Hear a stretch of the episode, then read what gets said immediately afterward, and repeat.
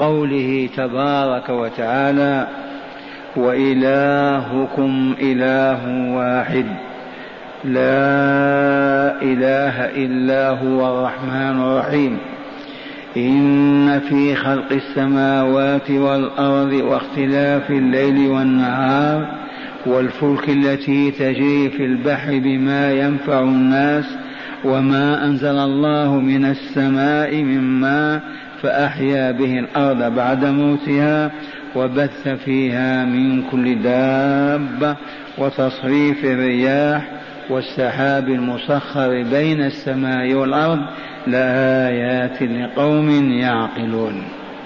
سبق هذه الآيات الكريمة قوله تعالى إن الذين يكتمون ما أنزلنا من البينات والهدى من بعد ما بيناه للناس في الكتاب أولئك يلعنهم الله ويلعنهم اللاعنون إلا الذين تابوا وأصلحوا وبينوا فأولئك أتوب عليهم وأنا التواب الرحيم إن الذين كفروا وماتوا وهم كفار أولئك عليهم لعنة الله والملائكة والناس أجمعين خالدين فيها لا يخفف عنهم العذاب ولا هم ينظرون. هذه الآيات شرحناها ولم نقرأ شرحها في الكتاب. فإليكم قراءة شرح هذه الآيات وبيان هدايتها. أولا قوله يكتمون. كل السامعين أو السامعات يعرفون معنى الكتمان. كتم الشيء إذا أخفاه.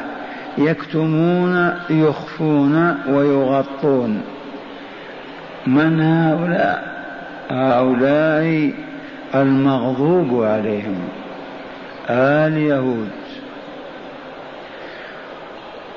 يخفون ويغطون حتى لا يظهر الشيء المكتوم ولا يعرف فيؤخذ به. أما البينات فهي جمع بينة وهو ما يثبت به الشيء المراد إثباته. البينة البينات جمع بينة والبينة الواحدة ما هي؟ شيء يثبت به الشيء المراد إثباته. والمراد به هنا ما يثبت نبوة محمد صلى الله عليه وسلم من نعوت وصفات جاءت في كتاب أهل الكتاب في التوراة والإنجيل. لأن الآية يقول تعالى إن الذين يكتمون ما أنزلنا من البينات والهدى من بعد ما بيناه للناس في الكتاب أولئك يلعنهم الله ويلعنهم اللاعنون ألا وهم اليهود. والهدى ما يدل على على المطلب الصحيح ويساعد على الوصول إليه. والمراد به هنا ما جاء به رسول الله صلى الله عليه وسلم من الدين الصحيح. المفضي بالأخذ به إلى الكمال والسعادة في الدنيا والآخرة.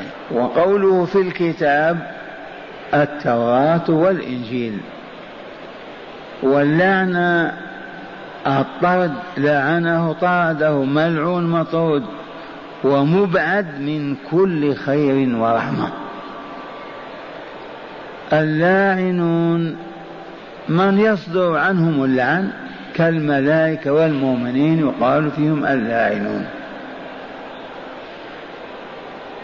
أصلحوا في الذين تابوا إلا الذين تابوا وأصلحوا وبينوا فأولئك أتوب عليهم وأنا التواب الرحيم. إذا أصلحوا ما أفسدوه من عقائد الناس وأمور دينهم بإظهار ما يكتموا ما كتموه. بإظهار ما كتموه والإيمان بما كذبوا به وأنكروه. لا يتم إصلاحهم إلا بأن يبينوا للناس ما أفسدوه وغروا بهم وساقوهم إليه من الباطل. ويؤمنون بالحق. هؤلاء تعهد الله بأنه يتوب عليهم. وكيف لا؟ وهو التواب الرحيم. قوله ولا هم ينظرون في آخر الآية الكريمة إذ قال تعالى خالدين فيها أي في نار جهنم. خالدين فيها لا يخفف عنهم العذاب كما تقدم ولو ساعة. لا يفطر عليهم ولا ترتفع درجة وتنخفض ولا هم ينظرون أي يمهلون. إذا هذه المفردات لتلك الآيات التي شرحناها فهذا تكرار لها. أما الشرح الموجود في التفسير فإليكموه معنى الآيات قال عاد السياق بعد الإجابة عن تحريم بعض المسلمين عاد السياق بعد الإجابة عن تحرج بعض المسلمين من السعي بين الصفا والمروة. وهل سبق أن عرفنا أن بعض المسلمين تحرجوا خافوا من الإثم والحرج؟ قالوا كيف نسعى بين صنمين؟ إذ كان إساف على الصفا ونائل على المروة. فلما تحرجوا رحمة الله اقتضت أن ينزل هذه الآية فأزالت خوفهم وتحرجهم. إن الصفا والمروة من شعائر الله فمن حج البيت أو اعتمر فلا جناح عليه أن يطوف بهما ومن تطوع خيرا فإن الله شاكر عليم. قال عاد السياق لأن السياق من أول الصورة كان في اليهود من أول البقرة. إلى هذه الآيات. إذا ثم كانت تلك الاستطرادات للحاجة وعاد السياق مع بني إسرائيل مع أهل الكتاب. قال عاد إلى التنديد بجرائم علماء أهل الكتاب. علماء أهل الكتاب اليهود علماء يقال لهم الأحبار جمع حبر. وعلماء النصارى يقال لهم القسس جمع قس أما الرهبان فهم العباد جمع راهب قال عاد إلى التنديد بجرائم علماء أهل الكتاب ودعوتهم إلى التوبة. إذ بعث الله محمدا صلى الله عليه وسلم رحمة للعالمين. وأنزل الكتاب الكريم لهداية البشرية جمعاء إذا فلا تعجب أن هذا التنديد هو عبارة عن دعوة لهم إلى أن يعودوا إلى الحق فيكملوا ويسعدوا. للتنديد بجرائم علماء الكتاب ودعوتهم إلى التوبة بإظهار الحق والإيمان به. أولا يظهر الحق الذي كتموه غطوه أخفوه دلسوا على العرب وعلى أنفسهم والعجم لا تقبل لهم توبة حتى يظهروا ما أخفوا ويعلنوه في صراحة ثم يؤمنون به. فأخبر تعالى أن الذين يكتمون ما أنزله تعالى من البينات والهدى في التوراة والإنجيل من صفات الرسول محمد صلى الله عليه وسلم والأمر بالإيمان به وبما جاء به من الدين. لأن التوراة والإنجيل فيها نعوت الرسول وصفاته بحيث لما تقرأ تكاد تنظر إلى رسول الله صلى الله عليه وسلم.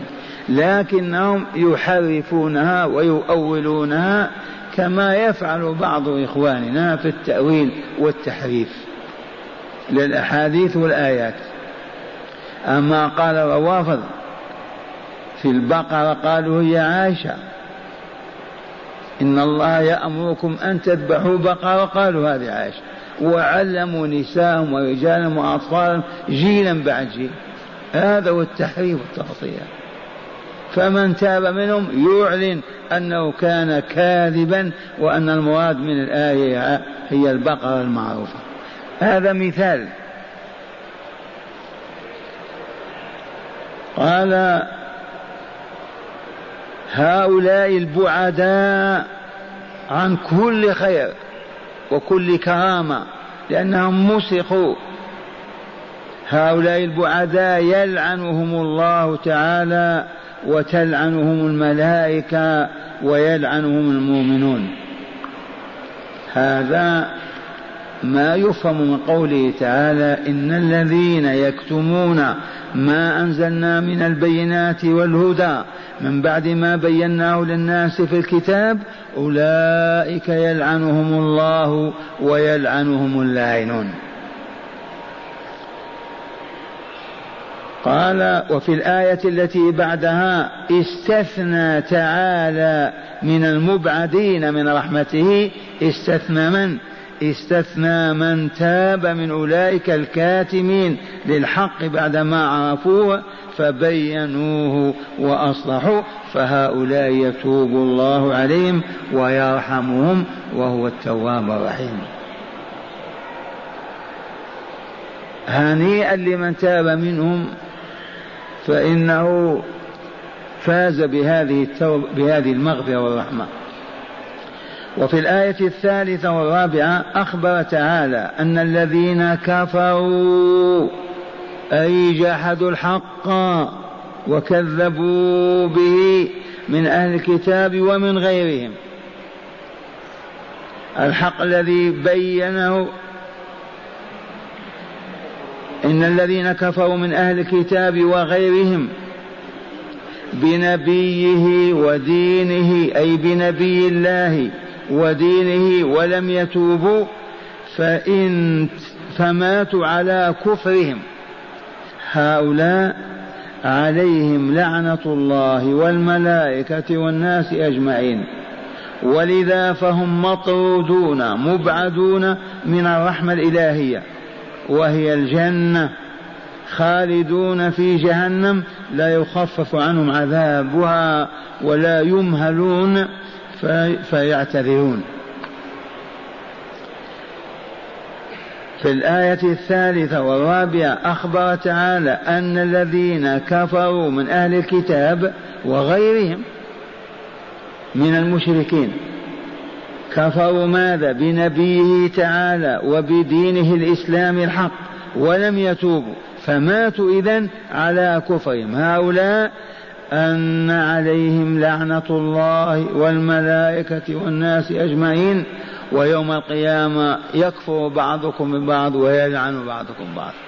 فاللعنة كاملة يوم القيامة. ولذا فهم مطرودون أي مبعدون من الرحمة الإلهية وهي ماذا سوى الجنة؟ الجنة خالدون في جهنم لا يخفف عنهم عذابها ولا يمهلون فيعتذرون. كان هذا شرح هذه الآيات وهذه هدايتها. قال من هداية الآيات أولا واحفظ يا عبد الله واحفظ يا أمة الله حرمة كتمان العلم. حرمة كتمان العلم. كتمان العلم حرام.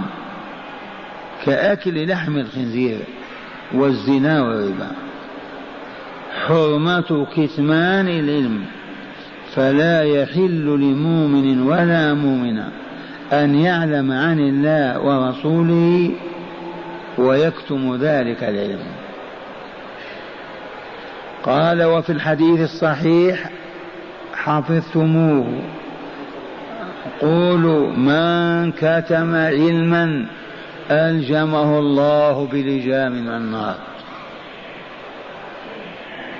وقال أبو هريرة رضي الله عنه في ظروف معينة ماذا قال؟ لولا آية من كتاب الله ما حدثتكم حديثا. لولا آية في كتاب الله ما حدثكم حديثا ما هذه الآية التي يعنيها؟ ما ننسى هي إن الذين يكتمون ما أنزلنا من البينات والهدى من بعد ما بيناه للناس في الكتاب أولئك يلعنهم الله ويلعنهم اللاعنون إلا الذين تابوا. قال لولا هذه الآية ما حدثتكم حديثا أيها المسلمون. هذا أيام الفتنة. واضطراب المسلمين ثانيا يشترط لتوبة من أفسد في ظلمه وجهله إصلاح ما أفسد ببيان ما حرف أو بدل وغير وإظهار ما كتم وأداء ما أخذه من الحق. هذه شروط التوبة. أما قال تعالى إلا الذين تابوا. كيف تابوا؟ نريد أن نعرف كيف يتوبون. فمن هنا أذكر أنه يشترط لتوبة من أفسد في ظلمه وجهله. أيام كان ظالما جاهلا يشترط في لتوبة إصلاح ما أفسد. هد بنيان يبنيه. كذا أحرق بستان يعيده أخذ مال يرده هذا إفساد ما إصلاح ما أفسد.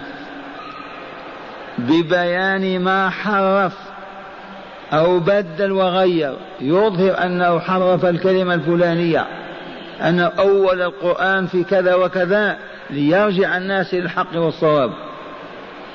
وأداء ما أخذه بغير الحق.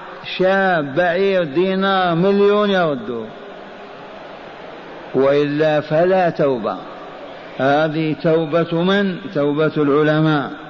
الذين يكتمون الحق ويخفونه لمصالحهم. تابوا يجب أن يبينوا. أفسدوا يجب أن يصلحوا. أخذوا يجب أن يردوا. وإلا توبتهم لا تصح. واسمعوا الآية الكريمة. إلا الذين تابوا أي رجعوا إلى الحق بعد أن شردوا منه وكفروا به وأصلحوا ما أفسدوا من العقائد من الآداب من الأموال من كل شيء أفسدوا يصلحوا. وبينوا ما كانوا يخفونه يظهرونه. هؤلاء يعدهم الله عز وجل بقوله فأولئك أتوب عليهم وأنا التواب الرحيم. الحمد لله. ثالثا من هداية هذه الآيات الأربعة من كفر ومات على كفره من سائر الناس يلقى في جهنم بعد موته خالدا في العذاب مخلدا فيه لا يخفف عنه ولا ينظر فيعتذر ولا يفتر عنه العذاب فيستريح. تذكرون هذه؟ من أين اهتدينا إليه. هذه هداية الآية. إذ قال تعالى إن الذين كفروا وماتوا وهم كفار أولئك عليهم لعنة الله والملائكة والناس أجمعين خالدين في تلك اللعنة. هي النار. أبعدوا من ساعة الخير من الجنة. لا يخفف عنهم العذاب ولا هم ينظرون. أي يمهلون أو يعتذرون حتى يتوبوا. لا توبة. مرة ثانية أقول ثالثا من هداية هذه الآيات أن من كفر ومات على كفره ما أسلم. من سائر الناس العرب والعجم وأهل الكتاب والمشركين على حد سواء. يلقى في جهنم بعد موته خالدا في العذاب مخلدا. لا يخفف عنه ولا ينظر فيعتذر ولا يفتر عنه العذاب ساعة أبدا حتى يستريح. رابعا جواز لعن المجاهرين بالمعاصي. كأن تقول لعن الله شارب الخمر لعن الله آكل الربا باللفظ العام. لعن الله المتشبهين من النساء بالرجال لعن الله المتشبهات من النساء بالرجال ولعن المتشبهين من الرجال بالنساء. هذا لعن عام لكن لا تقل لعن الله أبا فلان لأنه كذا. لأنه ورد أن النبي صلى الله عليه وسلم نهى عن لعنة المؤمن. قال لا تكونوا عونا على للشيطان على أخيكم. لا تقل فلان ملعون لكن اللعن العام كأن تقول لعنة الله على من يتشبه بالكافرين. فلا حرج. لعن الله آكل الربا. لعن الله الساق لعن الله عاقين الوالدين مثلا. منين أخذنا هذا؟ أما قال تعالى أولئك عليهم لعنة الله والملائكة والناس أجمعين. بعد أن أخبر تعالى عن لعنهم من قبله والملائكة والناس أجمعين كيف تتحرج أنت؟ الممنوع لا تقول خالد لعنة الله عليه لأنه فعل كذا وكذا. إذا هذه هداية تلك الآيات التي شرحناها قبل واليوم كررناها. والآن مع قوله تعالى وإلهكم إله واحد لا إله إلا هو الرحمن الرحيم. هذا بيان هذا إعلام هذا إعلان من الله. يا بني الناس إلهكم إله واحد. فاعرفوه وتوبوا إليه واستقيموا على شرع ودينه. تكملوا وتسعدوا. وإلهكم إله واحد. لا ثاني له ولا ثالث ولا رابع. وهو إله واحد في ذاته في صفاته في أفعاله لا شبيه له لا نظير له لا كفء له أبدا. وعندنا صورة تعدل ثلث القرآن جاءت بهذا المعنى. هو الله أحد. الله الصمد لم يلد ولم يولد ولم يكن له كفوا أحد. ليس كمثله شيء وهو السميع البصير. ومعنى إله معبود. وكلمة إله وردت في القرآن وأطلقت على غير الله. آلهة المشركين متعددة. لكن لفظ الإله لم يكن إلا لله. لفظ الإله لا يكون إلا الله. لكن إله بالتنكير إله معبود من سائر المعبودات. أما الإله الحق هو الله الذي لا إله ولهذا كلمة التوحيد لا إله إلا الله. يقول العلماء هذه الجملة أولها كفر وآخرها إيمان. لطيفة يعني. لما تقول لا إله تسكت كفرت كذبت. لكن لما تقول إلا الله آمنت. أولها كفر وآخرها إيمان. فلهذا لا يحل لك أن تقول لا إله وتسكت. إلا إذا شارقت أو مثلا يعني ته... أه؟ مثل الشرق والقصص أو لا لا مثل تثاءبت. دفعك التثاؤب ما استطعت فيعفو عن هذا. أما أن تقول لا إله وتسكت وبعد تقول إلى الله يا ويلك. لأنك لو قلت لا إله ومت إلى جهنم.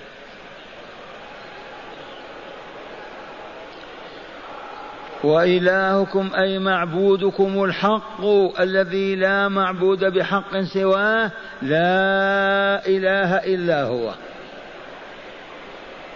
لا معبود بحق أي يستحق أن يعبد لما يفضي ويتفضل ويعطي ويحيي ويميت. والله لا يوجد إلا الله.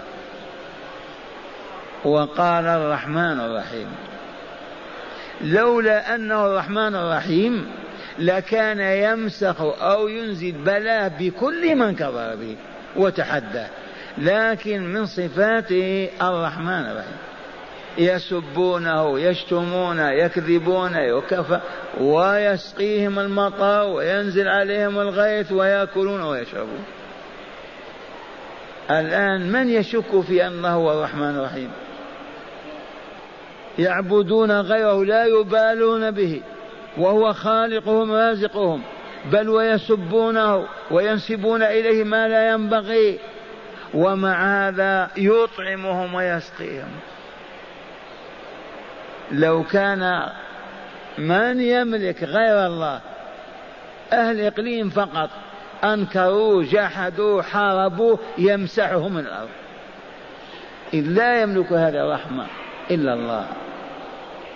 وإلهكم إله واحد لا إله إلا هو الرحمن الرحيم. لما هاتان الصفتان الرحمن الرحيم؟ أو ما فهمتم؟ يخلق أهل إقليم هو من عنده تفضلا ويخلق أرزاقهم ويخلق ما يحفظ حياتهم ثم يظلون ويبيتون يسبونه ويشتمونه وينكرون فضله وإحسانه. لو لم يكن رحيما رحمة ذاتية يسكت يمسخهم يحولهم لا شيء. لكن ها هم البشر يكفرون به يسبون قالوا تزوج قالوا له ولد قالوا كذا أوجدوا له آلهة عبدوها معه مع هذا إلا إذا تعين العذاب. هذا سر قوله هو الرحمن الرحيم. وإلهكم إله واحد لا إله إلا هو الرحمن الرحيم. إذا عرفت هذا يا عبد الله إذا فاعبده واعبده وحده ولا تشرك في عبادته غيره. فإن أنت ما عبدته ضحكت وسخرت عرفناك لا معبود إلا أنت. لم ما تعبدني إذا استخفافا عدم مبالاة أو لا آمن بأنك تعذبه أو أو تفعل. هذا الموقف. ثم لما تعبده كيف تعبد معه غيره تستهزئ به يعني؟ من جهة علمت أنه لا إله إلا هو وعبدته كيف تعبد معه غيره؟ فلهذا قررنا هذه الحقيقة مئات المرات وهي من قال أشهد أن لا إله إلا الله لا تصح شهادته ولا تقبل منه ولا يدخل بها الجنة إلا إذا التزم بما يلي أولا يعبده لأنه أقر وأشهد على أنه لا معبود إلا الله. فإذا لم يعبده ما معنى شهادته يكذب. لم تقول لا معبود إلا هو ولا تعبده. أولا يعبده ثانيا أن يعبده وحده. فإن عبد معه غيره تناقض وأبطل فعله قوله. شهادتك باطلة. كيف تقول لا معبود إلا الله؟ وها أنت تعبده وتعبد معه غيره إذا شهادته باطلة. منقوضة. ثالثا ألا يعترف ويقر عبادة غيره. فإن رأى من يعبد الأصنام وسكت رضيا وابتسم معهم معناه تناقض من أول مرة قل لا إله إلا الله وفلان وفلان. إلا الله وما يعبده فلان الفلانيون. لا بد من هذه. في الإمكان فهمها وحفظها وإلا لا. من قال لا إله إلا الله لازمه أن يعبد الله. وإلا هو كاذب. ما عرف لا إله إلا الله. قالها بلسانه ما يعتقدها. كيف يعتقد لا معبود الله ولا يعبده؟ كالذي يعتقد أن هذه سيارتك. ثم يقول لك أبعد. والله ما تركبها ماذا تقولون فيه؟ قال هذه سيارتك. إذا انزل خلينا نركب. لا. اعترف بها. إذا ما اعترف. يكذب. فمن قال لا إله إلا الله وجب أن يعبد الله. كيف يعبده يا شيخ؟ يذل له ويخضع وينقاد. كما يفعل العبيد مع ساداتهم. إذا قال قف وقف إذا قال امشي مشى إذا قال اجلس جلس إذا قال احمل كذا حمل إذا قال ضع وضع. أليست هذه العبادة؟ قال صوموا صمنا حجوا حججنا أخرجوا الزكاة أخرجنا صلوا صلينا. أمسكوا عن الباطل واللغو لا تتكلموا ما تكلمنا لأننا عبيد هي العبادة. إذا ونعبده بما نعبده بما شرع من طريق من؟ من طريق رسول الله. فلهذا قل لا إله إلا الله محمد رسول الله. فإن قلت لا أعترف. بأن محمد رسول الله ولكن أقول لا إله إلا الله. اذا اعبد الله كيف تعبده؟ كيف تعبده؟ دلنا ما تستطيع. لا بد من رسول يعلمك كيف تعبده وبما تعبده. فلهذا الشهادتان مقترنان. لو قال أشهد أن لا إله إلا الله ولكن محمد ما أستطيع. حتى أفكر سنة. كافة وإلهكم إله واحد لا إله إلا هو الرحمن الرحيم. ورد أن الرحمن هو رحمن الدنيا والآخرة لأن الصيغة هذه صيغة مبالغة كظمآن وعطشان. وهو كذلك الرحمن الدنيا والآخرة. والرحيم الرحيم بأوليائه في دار السلام. ولكن لا مانع أنه الرحيم بنا ومظاهر الرحمة تتجلى في مخلوقاته. تعرفون الدجاجة إذا أفقست بيضها وخرجت الكتاكيك ماذا تصنع معهم؟ والله لا تفتح نفسها وتدخلهم تحتها. تكاد تدخلهم في بطنها. وتأخذ تعلمهم كيف ينقرون الحب. تعمل معهم. أما العنز والله لقد تراها وهي تنخفض تنزل حتى يصل جديها إلى ثديها. ثم تأخذ تناقيه تناقيه مناغات خاصة حتى يرتاح. ويشرب اللبن. عرفتم هذا ولا الطائر رأيناه يزق أفراقه يحمل الطعام والماء من بعيد ويأتي به ويصبه في أفواه أفراقه. ذي مظاهر رحمة. أجل منها أن اللبن لبن المرأة أو البهيمة كان ماذا كان لبنا أبيض. بل عاطفه بتلك الرحمة الأمومية يستحيل إلى لا كان دما خالصا يستحيل لا لبن أبيض. ولهذا يقول الرسول صلى الله عليه وسلم إن لله مئة إن رحمة الله مئة قسمة. ادخر لأوليائه تسعة وتسعين قسمة. وقسمة واحدة من المئة الخليقة تتراحم بها. قسم الله تعالى الرحمة مئة قسمة. تسعة وتسعين قسمة ادخرها لأوليائه في دار السلام يرحمون بها. وقسمة واحدة الخليقة كلها تتراحم بها حتى إن الفرس لترفع رجلها أو حافرها مخافة أن تطأ مهرها وهذا مشاهد.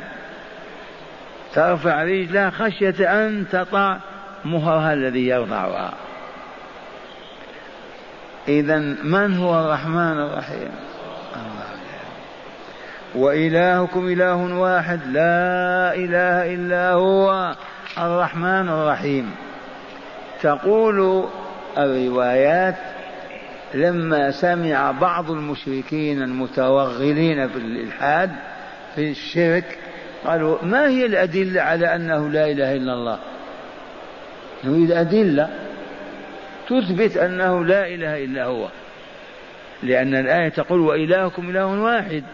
قالوا ما الدليل على أن الإله واحد فقط؟ فأنزل الله تعالى هذه الآيات هذه الآية الثانية فقط وفيها ستة أدلة. في الإجمال اسم. الدليل الأول خلق السماوات والأرض وهو خلق عظيم لا يتأتى إلا للقادر الذي لا يعجزه شيء. إن في خلق السماوات والأرض. أكبر دليل الذي يخلق السماوات والأرض وحده يحتاج إلى أن يكون معه إله آخر. ثاني الأدلة. اختلاف الليل والنهار بتعاقبهما وطول هذا وقصر هذا طول العام. من أوجد الظلم والضياء أوجد الليل والنهار يختلفان. إذا جاء الليل رحل النهار جاء النهار رحل الليل لصالح العباد. هذا مظلم وهذا مضيء منير. يطول هذا ويقصر هذا. كيف يطول ويقصر يدخل منه الآن دخل في في النهار ساعتان تقريبا من من ساعات الليل. وعما قريب يدخل من النهار ساعتان ساعتان في الليل. باللحظة أو الدقيقة.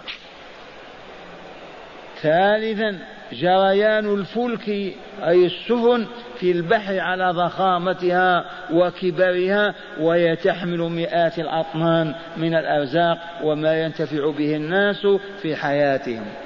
السفن بو آخر تحمل ألف طن من البر تحمل ألف شاء تحمل كذا تمخر البحر من الشرق إلى الغرب. هذه السفن كيف هذه؟ كيف على سطح الماء؟ كيف لا تغرق؟ من دبر هذا؟ من أوجده هذا العليم الحكيم؟ لما أوجد هذا؟ رحمة لعباده. حتى يرزقوا وينتفعوا بما خلق الله من الأطعمة. والغافل ما. ما يهتدي لهذا. وإلا لو تفكر سفينة تمخر البحر من أقصى المحيط الجنوبي إلى أقصى المحيط الشمالي. من أوجد كيف هذه تسير؟ لما ما تغرق؟ رابعا إنزاله تعالى المطر من السماء لحياة الأرض بالنباتات والزروع بعد جذبها وموتها. من ينزل الماء من السماء؟ أشيع منذ سنوات أنهم الآن يصبحون في غير حاجة إلى المطر. استطاعوا الآن يوجدون المطر. سموه المطر الصناعي. تسمعون بالمطر الصناعي؟ اندهشنا كيف هذه؟ قالوا. يأتون بالسحوب ويسوقونها ويعصرونها ووالله لكاذبون. ولا قطرة يستطيعون خلقها أو إيجادها. كل ما في الأمر برشاشات الماء يرتفع مطر صناعي. كذب هذا. ما يستحون من الله. فإنزال المطر من السماء لحياة الأرض بالنباتات والزروع بعد جذبها وموتها آية أكبر دليل على أنه لا إله إلا الله. الخامسة تصريف الرياح. حارة وباردة ملقحة وغير ملقحة شرقية غربية شمالية جنوبية بحسب حاجة الناس وما تطلب حياتهم. من أين الرياح؟ كيف تأتي؟ من أين تخرج؟ ما وجودها؟ من فعل؟ من أوجد؟ لن تجد من يقول أبي ولا أمي. هنا لا عبد القادر ولا اللات ولا عيسى. ما هو إلا الله؟ وهو الذي يرسل الرياح السادس من الأدلة سادس الأدلة السحاب المسخر بين السماء والأرض. تكوينه أولا وسوقه من بلد إلى آخر. ليمطر هناك ولا يمطر هنا حسب إرادة العزيز الحكيم. سمي السحاب السحاب يسحب كما تسحب الشاة في الأرض. من مكان إلى مكان. من يسحب؟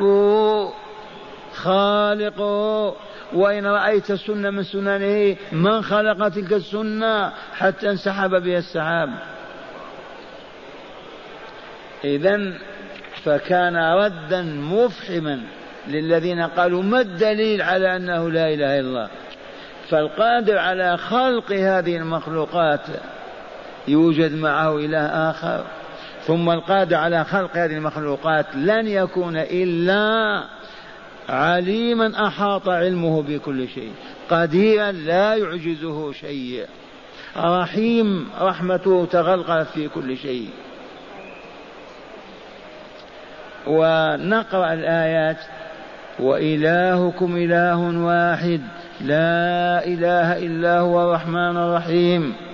إن يا من طلبت الدليل اسمع.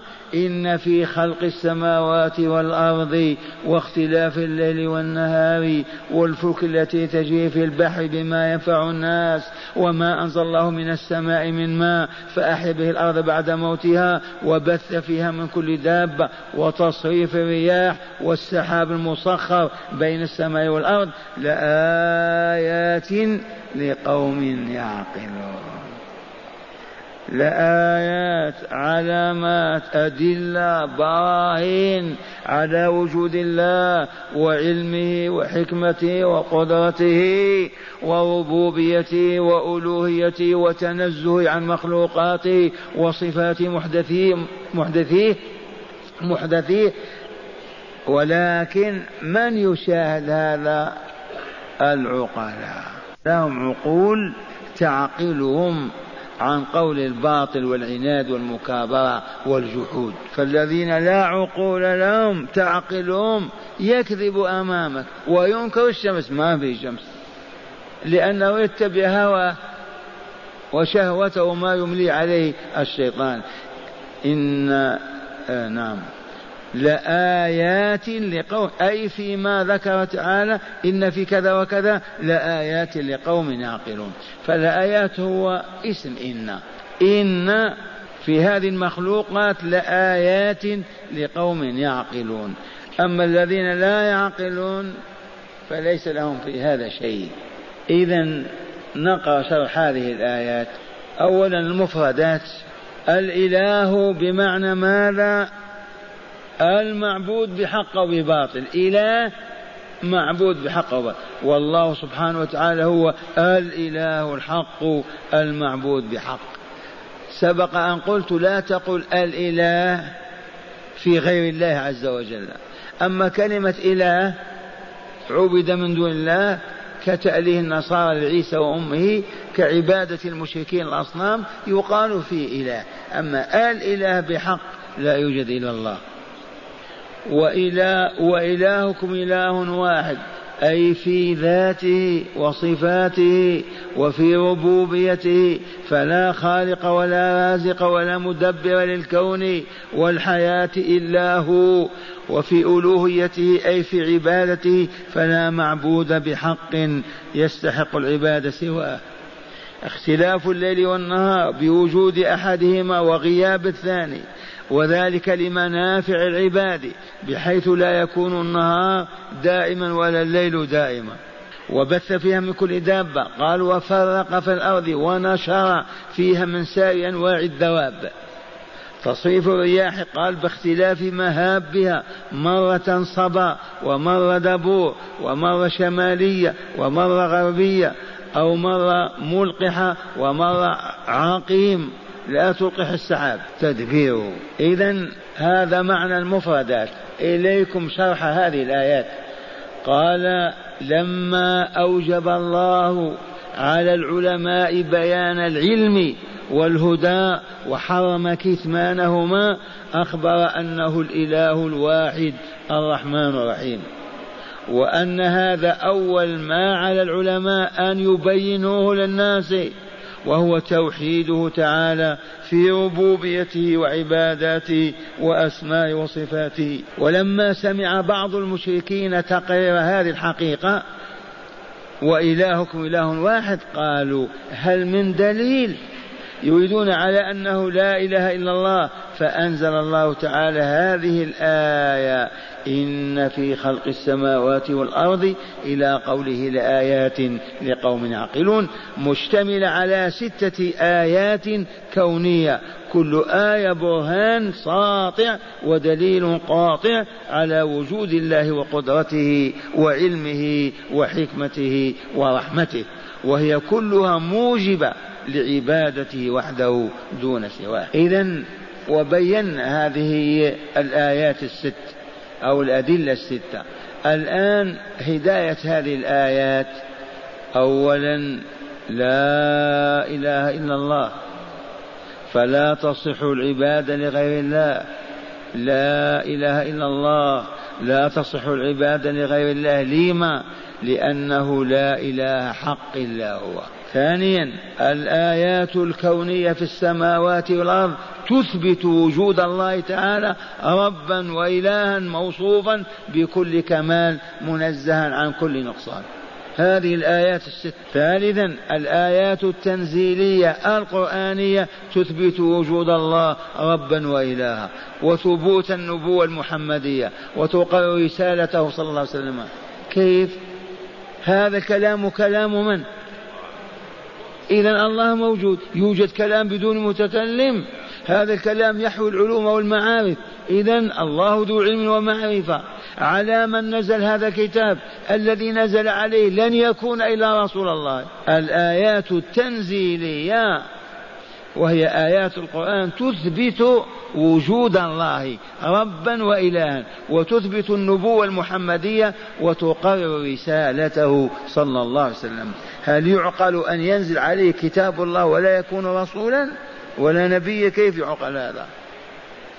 رابعا الانتفاع بالآيات مطلقا. آيات الكتاب أو آيات الكون. خاص بمن يستعملون عقولهم. آيات الكون وجود الليل والنهار والشمس والقمر والمطر والحياة والموت هذه آيات وإلا لا؟ من ينتفع بها؟ المجانين العقلاء. إذ الله قال لآية لقوم يعقلون. آيات التنزيل آيات القرآن المختلفة. كم آية في القرآن؟ ستة آلاف ومئتين وأربعين آية. كل آية تدل على أنه لا إله إلا الله ومحمد رسول الله. والله العظيم. كل آية تدل على أنه لا إله إلا الله محمد رسول الله. كيف دلت على أنه لا إله إلا الله؟ لأنها أنزلها الله عز وجل الموجود الحق وهو يقر أنه لا إله إلا هو. كيف تثبت أن محمد رسول الله؟ لأنها نزلت عليه. كيف تنزل عليه ولم يكن رسولا؟ لا وجود لهذا أبدا. من أنزل الله عليه آية كتابه ورسوله. فلهذا الانتفاع بالآيات مطلقا سواء كان آيات الكتاب أو آيات الكون. أو ما تبينتم آيات الكون. الشمس آية ولا لا؟ علامة على وجود خالق عليم حكيم. المطر آية ولا لا؟ دال على وجود خالق عليم رحيم حكيم. ذي قدرة وعلم لا يعجزه شيء. وهكذا كل ذرة في الكون آية من آيات الله. لكن من ينتفع بهذه الآيات؟ أصحاب العقول. أما الذين فسدت عقولهم أو تعطلت وما أصبحت تعقل بسبب التأثيرات والمؤثرات من الشيطان عليه لعائن الله فهؤلاء يشاهدون الشمس وينكرون وجود الله. ما قال علماء الاتحاد السوفياتي في مؤتمرات مئات لا إله أبدا والحياة مادة. أين عقولهم؟